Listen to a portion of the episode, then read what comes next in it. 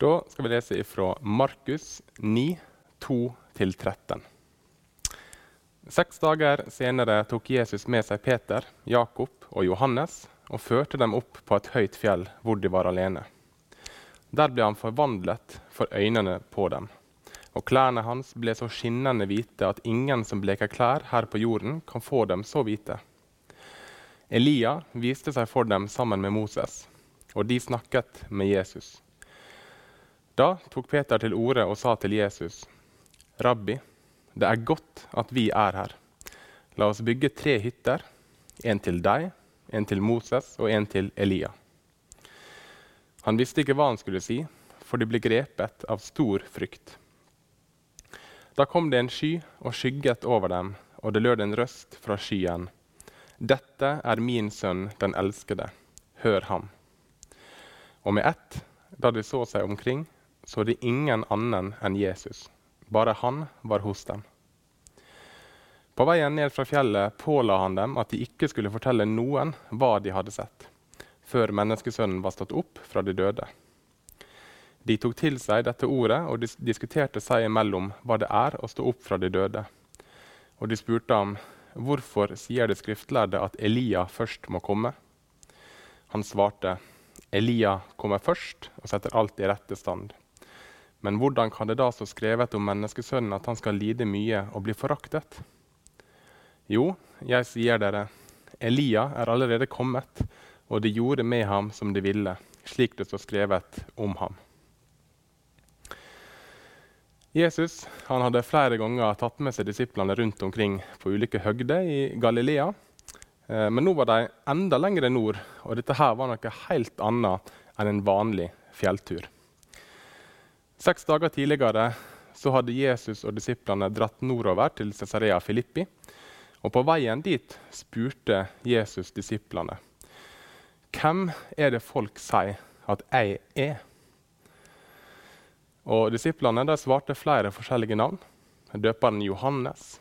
Noen sier Elia, og andre en av profetene.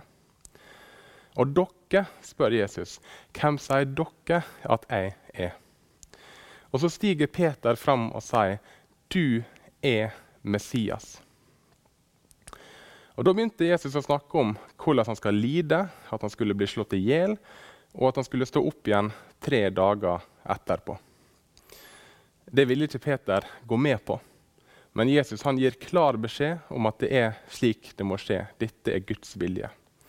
Og Det er altså opptakta til denne historien, at Jesus forklarer at han skal dø og stå opp igjen.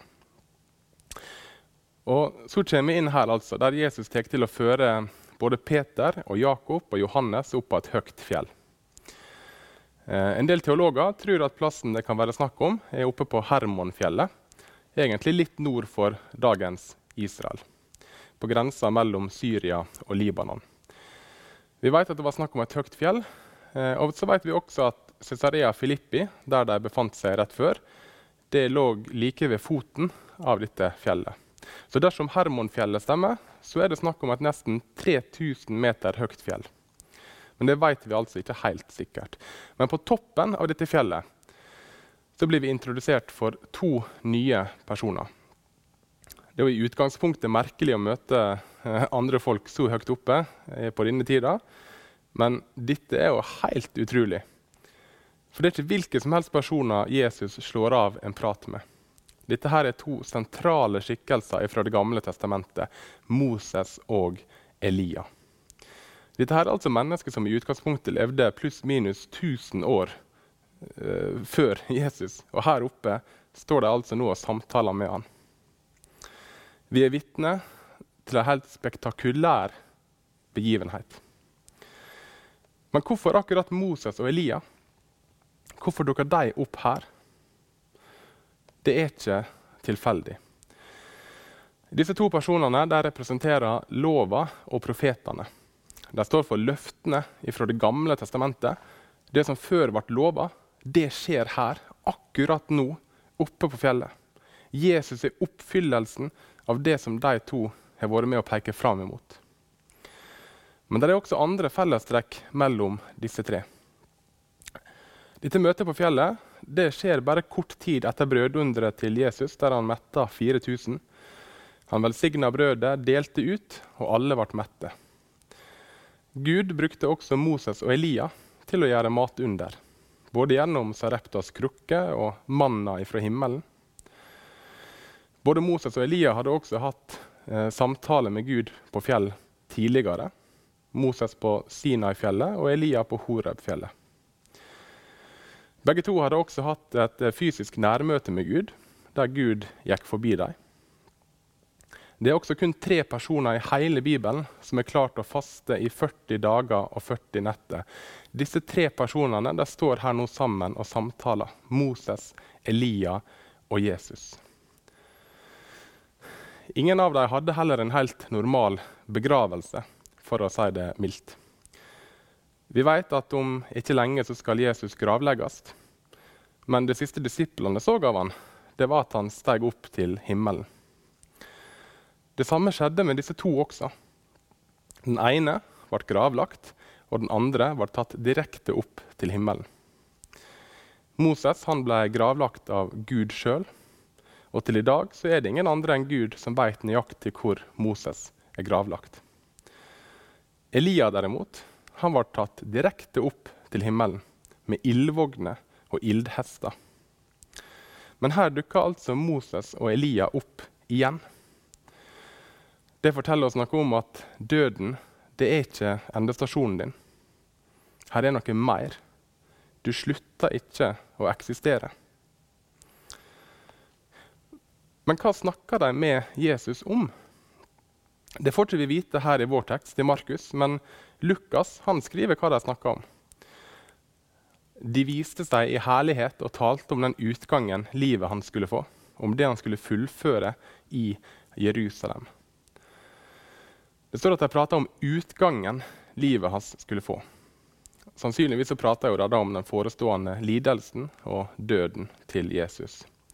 Men det greske ordet som blir brukt for det de prater om her, altså utgangen, det er rett og slett exodus. Og de med engelsk bibel de vet at det er navnet på andre Mosebok som er blitt gitt boka som handler om nettopp utgangen fra Egypt. Kanskje spiller altså valget av dette ordet Exodus på Moses, som frigjorde israelsfolket fra egypterne. Førte sine etterkommere til det lovede land. Og nå kommer Jesus og frigjør oss fra synda og fører oss mot himmelen. Som ikke bare flyter av melk og honning, men som flyter av herlighet, nåde og sannhet. For dette her er ikke bare en fortelling som skjer der og da. Det som skjer oppe på fjellet her, det peker både bakover og framover i tid. Moses og Elia de var selvsagt interessert i å snakke med Jesus om hva han skulle gjøre nå snart i Jerusalem. Det var jo dette her de hadde sett fram mot også. Og nå fikk de oppleve han de hadde peka fram mot mens de sjøl gikk rundt i landet. Samtidig så fikk jo Jesus også samtale om den død og lidelse som han skulle møte og gå gjennom. For disiplene ville jo ikke høre på han når han tok opp dette gjentatte ganger. Men endelig så var det to her som skjønte hva som måtte skje for å fullføre frelsesverket. Moses og Elia de visste det. Dette her blir regna som en av de store eh, hendelsene i Jesu liv. Sammen med dåpen, korsfestelsen, oppstandelsen og himmelfarten. Dette er dagen da disiplene får se den herliggjorte Jesus. Og Det er sannsynligvis akkurat denne opplevelsen som Johannes også skriver om i starten av sitt evangelium. Når han skriver 'Vi såg hans herlighet'. Han hadde sett det med sine egne øyne. Så kommer altså denne skya, og plutselig så er både Moses og Elia borte. Her står det bare at det var ei sky som kom, men Matteus beskriver det som en lysende sky. Og Slik har Gud vist seg før også, gjennom historien. Det var i form av ei lysende sky at han vandra sammen med israelsfolket i ørkenen på dagen. Og Den lysende skya den fantes også i tabernakelet og på nådestolen. Gud kom i ei sky når Moses fikk utlevert de ti bud på Sinai-fjellet. Denne lysende skya er tegnet på Guds nærvær. Han er til stede. Og Gud sjøl roper ut at 'dette er min sønn, den elskede. Hør han.' Her bekrefter altså Gud muntlig at Jesus er oppfyllelsen av profetiene. Denne røsta fra skya sier til disiplene 'Høyr Han'. Det er en direkte oppfordring til både disipler og til israelsfolket generelt. Moses og Elia de har hatt sin tid. De har vært viktige brikker i frelsesplanen. Men fra nå av er det Jesus dere skal høre på. Dette er også det samme som står i 5. Mosebok kapittel 18. Og Der er det faktisk Moses sjøl som sier en profet som meg vil Herren din Gud la stå fram hos deg, en av dine landsmenn. Han skal dere høre på. Og Så stiger Gud her ned i skya og kunngjør dette er min sønn, den elskede. Hør han. Det var om han du snakka om, Moses. Det var han som du så der langt framme. Han er oppfyllelsen av profetiene. Han er Messias. Hør han. Men dette gjelder også for deg. Når Jesus sier at ingen kommer til Faderen utenom han, hør han. Når Jesus sier at han er midt iblant oss der to eller tre er samla i hans navn, høyr han. Når Jesus sier 'dine synder er deg tilgitt', høyr han. Disse ordene gjelder til evig tid. Det er Guds vilje at vi skal høre på Jesus sine ord og befalinger. Det er Gud sjøl som har fortalt oss det. Han har sendt oss Jesus for å vise oss veien til himmelen. Men så sier han jo langt mer enn det. Dette er min sønn, den elskede. Kjenner vi igjen dette? Når Jesus lot seg døype i Jordanelva, så skjedde det samme. Guds røst lyd fra himmelen. Dette er min sønn, den elskede. I han har jeg velbehag. Igjen sier Gud disse seks første ordene helt identisk oppe på fjellet. Dersom det var noen av disiplene som fortsatt var i tvil, sjøl etter å ha sett Jesus forvandle seg, sjøl om han skinner som ei sol, sjøl etter, etter, å ha hørt han stått og prate med Moses og Elia, ja, så fjerner Gud absolutt all tvil her når hans egen stemme lyder fra himmelen 'Dette er min sønn, den elskede'. Her får disiplene virkelig vite hvem Jesus er. Det er ikke rom for tvil. Og Det var nok med på å gi den bekreftelsen som de senere også skulle trenge når det ble vanskeligere tider, til å følge Jesus. Og Her hadde de også skikkelig gode nyheter med seg til de andre rundt seg som måtte tvile. Det er jo også det Jesus sier i Johannes 14. Philip han fikk ikke oppleve dette, så han sier til Jesus, 'Bare vis oss Faderen, og det er nok for oss.' Men Jesus han blir overraska. 'Kjenner du meg ikke, Philip?' 'Den som har sett meg, har sett Faderen.' Ergo, den som ønsker å se Gud, må se på Jesus. Et hvert normalt menneske som hadde hørt om denne fjellturen, her, ville avfeie det som tull dersom en av disiplene kom ned og fortalte hva som hadde skjedd. Men hvor mange disipler var det som var der? Det var ikke én, men det var tre. Og Det var helt i samsvar med lova fra 5. Mosebok. På to eller tre vitners ord skal enhver sak stå fast. Det var tre stykker som opplevde dette samtidig. Det gikk ikke an å avfeie det. Alle tre hadde opplevd det samme. Det er litt av en fortelling. Men Jesus han gir faktisk streng beskjed om at de ikke skal dele dette med noen. Ikke nå, ikke enda. Her har de altså opplevd eh, det mest vanvittige vi kan tenke oss. Og de har til og med tre øyevitner til det, og så fortsatt de lov til å dele det med andre. Det virker som at grunnen er fordi Jesus er innstilt på det som snart skal skje. Den lidelsen som venter han. Det er der han er fokuset sitt, og det er der han vil at disiplene også skal være. For denne herligheten som Jesus fikk over seg på fjellet, det var bare midlertidig. Det var et frampeik på dit han snart skulle tilbake. Tilbake til himmelen. Men først så måtte han gå den tunge veien opp mot Golgata. Nå var det hans lidelse og død det skulle være fokus på. De hadde sett Jesu herlighet oppe på fjellet. De så gjenskinnet fra Gud i Jesu ansikt. En herlighet så stor, full av nåde og sannhet, skriver Johannes. Det lyste herlighet ifra Jesus sitt ansikt. På hebraisk så oversetter vi herlighet med kabod. Og kabod kan direkte oversettes til lysglansen som omgir Gud. Så det ligger altså mer bak dette ordet herlighet enn det vi kanskje først tenker på når vi hører det. Jesus han kalte seg sjøl for lyset. Og disse tre de kunne altså vitne om lyset som strålte fram fra ansiktet hans. Når Gud åpenbarer seg her i verden, så er det med en praktfull herlighet som stråler ut. Og Det var ikke bare ansiktet hans som ble som ei sol. Han fikk også skinnende hvite klede. Det er jo det samme vi hører om når engler kommer på besøk også, at de er skinnende hvite. Og I juleevangeliet står det at Herrens herlighet lyste rundt englene på Betlehemsmarka. Men det var jo ikke slik at Jesus gikk rundt og, og, og skinte hele tida. Og da kan vi spørre oss hvorfor gjorde ikke Jesus dette her oftere?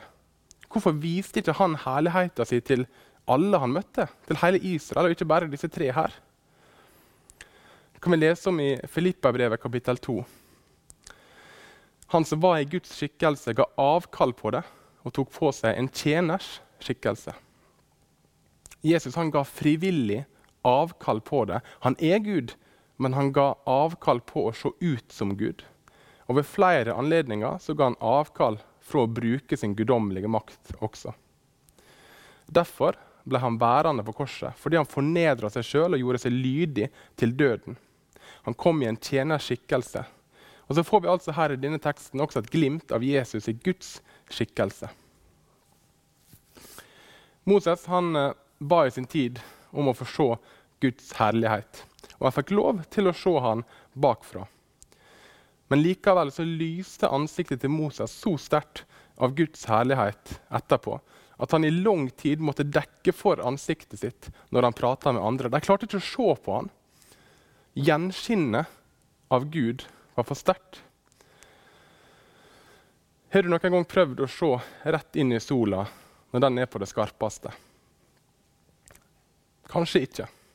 Men hvis du aldri har prøvd det, så trenger du ikke å gjøre heller å begynne med det. For øynene dine er ikke skapt for å se mot sola og stirre på den. Dersom du gjør det likevel, så vil de bli ødelagt. Vi ser også at det blir sendt opp romferder til månen og Mars og andre plasser i solsystemet vårt. Men det er ingen som prater om å sende noe romskip til sola. Det er fordi det er kjempedumt. De som jeg regna på det, sier at om du kommer nærmere enn 5 millioner kilometer fra sola, så vil du begynne å brenne opp. Du tåler altså ikke å være i nærheten av sola engang. Og her kommer et viktig poeng. Det betyr ikke at sola er ond. Sola er med på å holde oss i live. Og Et annet poeng er at det det eneste i hele universet vårt som faktisk tåler et nærmøte med sola vår, det er ei anna sol.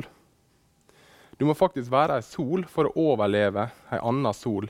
Det er også kun de som sjøl er hellige, som kan tåle et nærmøte med en hellige Gud. Hvordan blir du hellig? Jo, det er kun gjennom Jesus Kristus og han alene. Han som har tatt all de synd med seg opp på korset. Tru på han og høyr han. Det fins ikke frelse i noe annet navn. Derfor kan vi heller ikke nærme oss Gud slik vi er nå. Ikke fordi Gud er ond, men fordi vi er ond, og Gud er så god.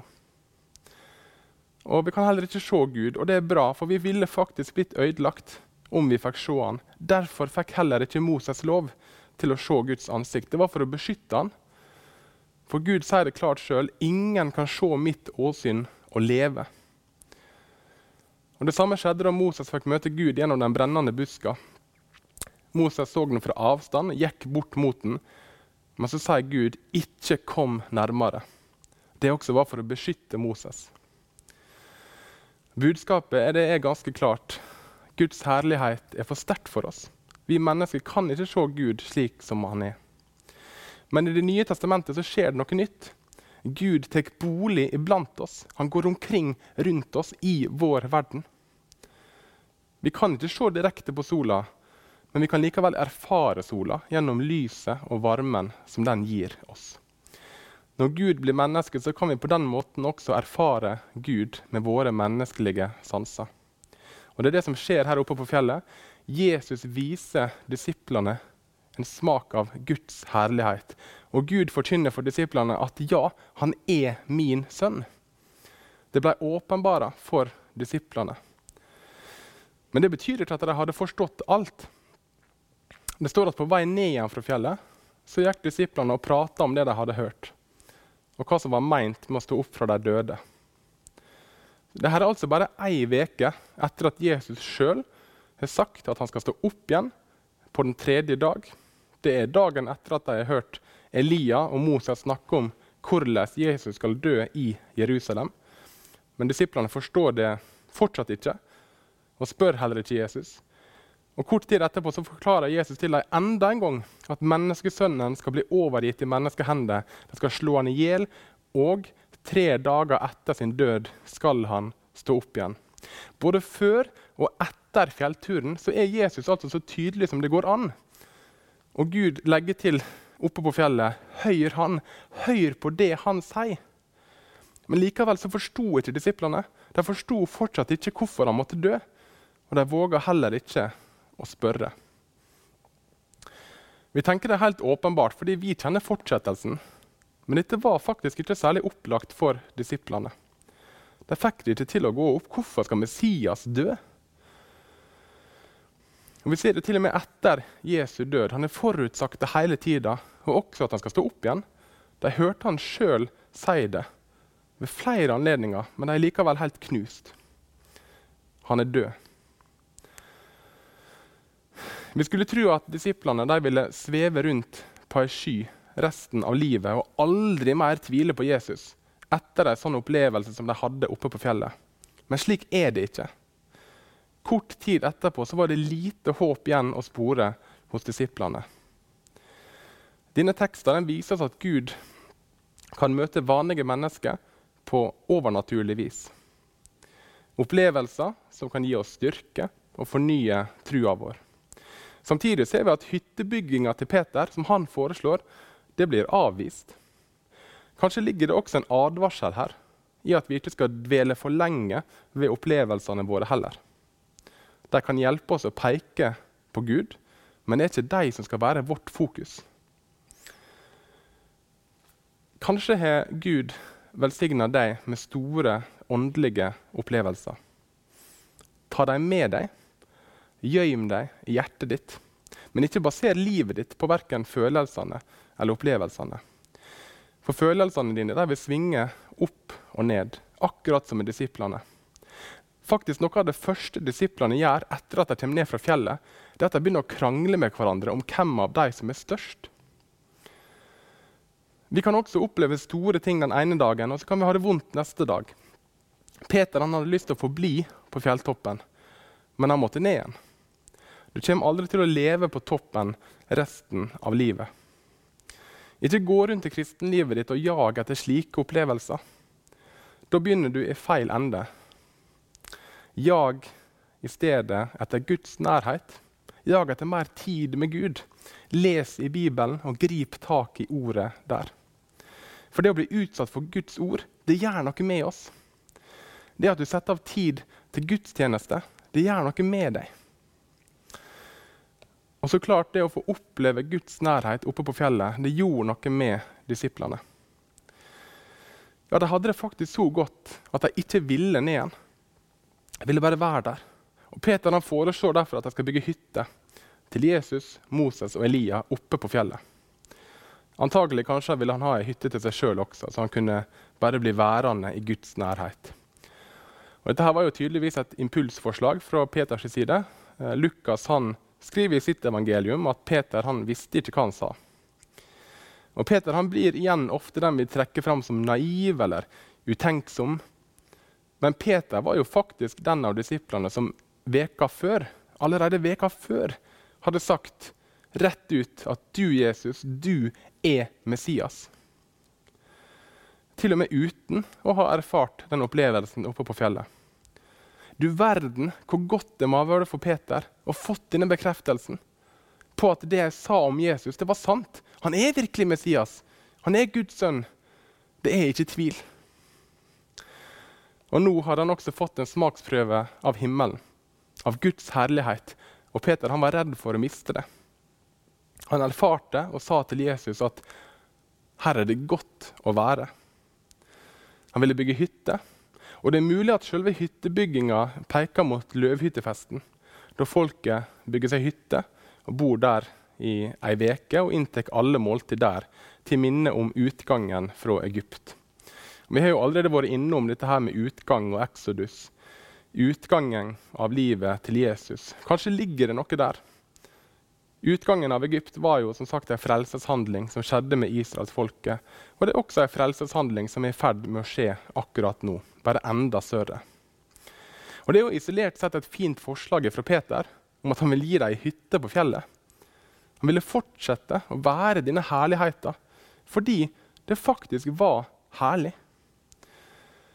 Vi alle ville gjort det samme, ønska at dette her aldri tok slutt. Men dette her, det var bare meint som et glimt. Da han foreslo det, så forsvant Moses og Elia. Da var det over. Det var ikke der de skulle være. Jesus trengte ikke Peter til å bygge hytte for seg på fjellet. Det Peter ikke så, det var at Jesus var i ferd med å gjøre stand rom i himmelriket. Jesus bygger ikke noe midlertidig tilfluktsplass for tre profeter. Han bygger en permanent bolig for meg og deg. I all evighet. Der vil ikke det være bruk for verken måne eller sol. For Guds herlighet skal lyse over byen, står det i åpenbaringsboka. En dag skal vi faktisk få lov til å bo sammen med Jesus i en slik fullkommen herlighet som aldri tar slutt. Peter han fikk kjenne litt av hva det ville si å være omgitt av Guds herlighet.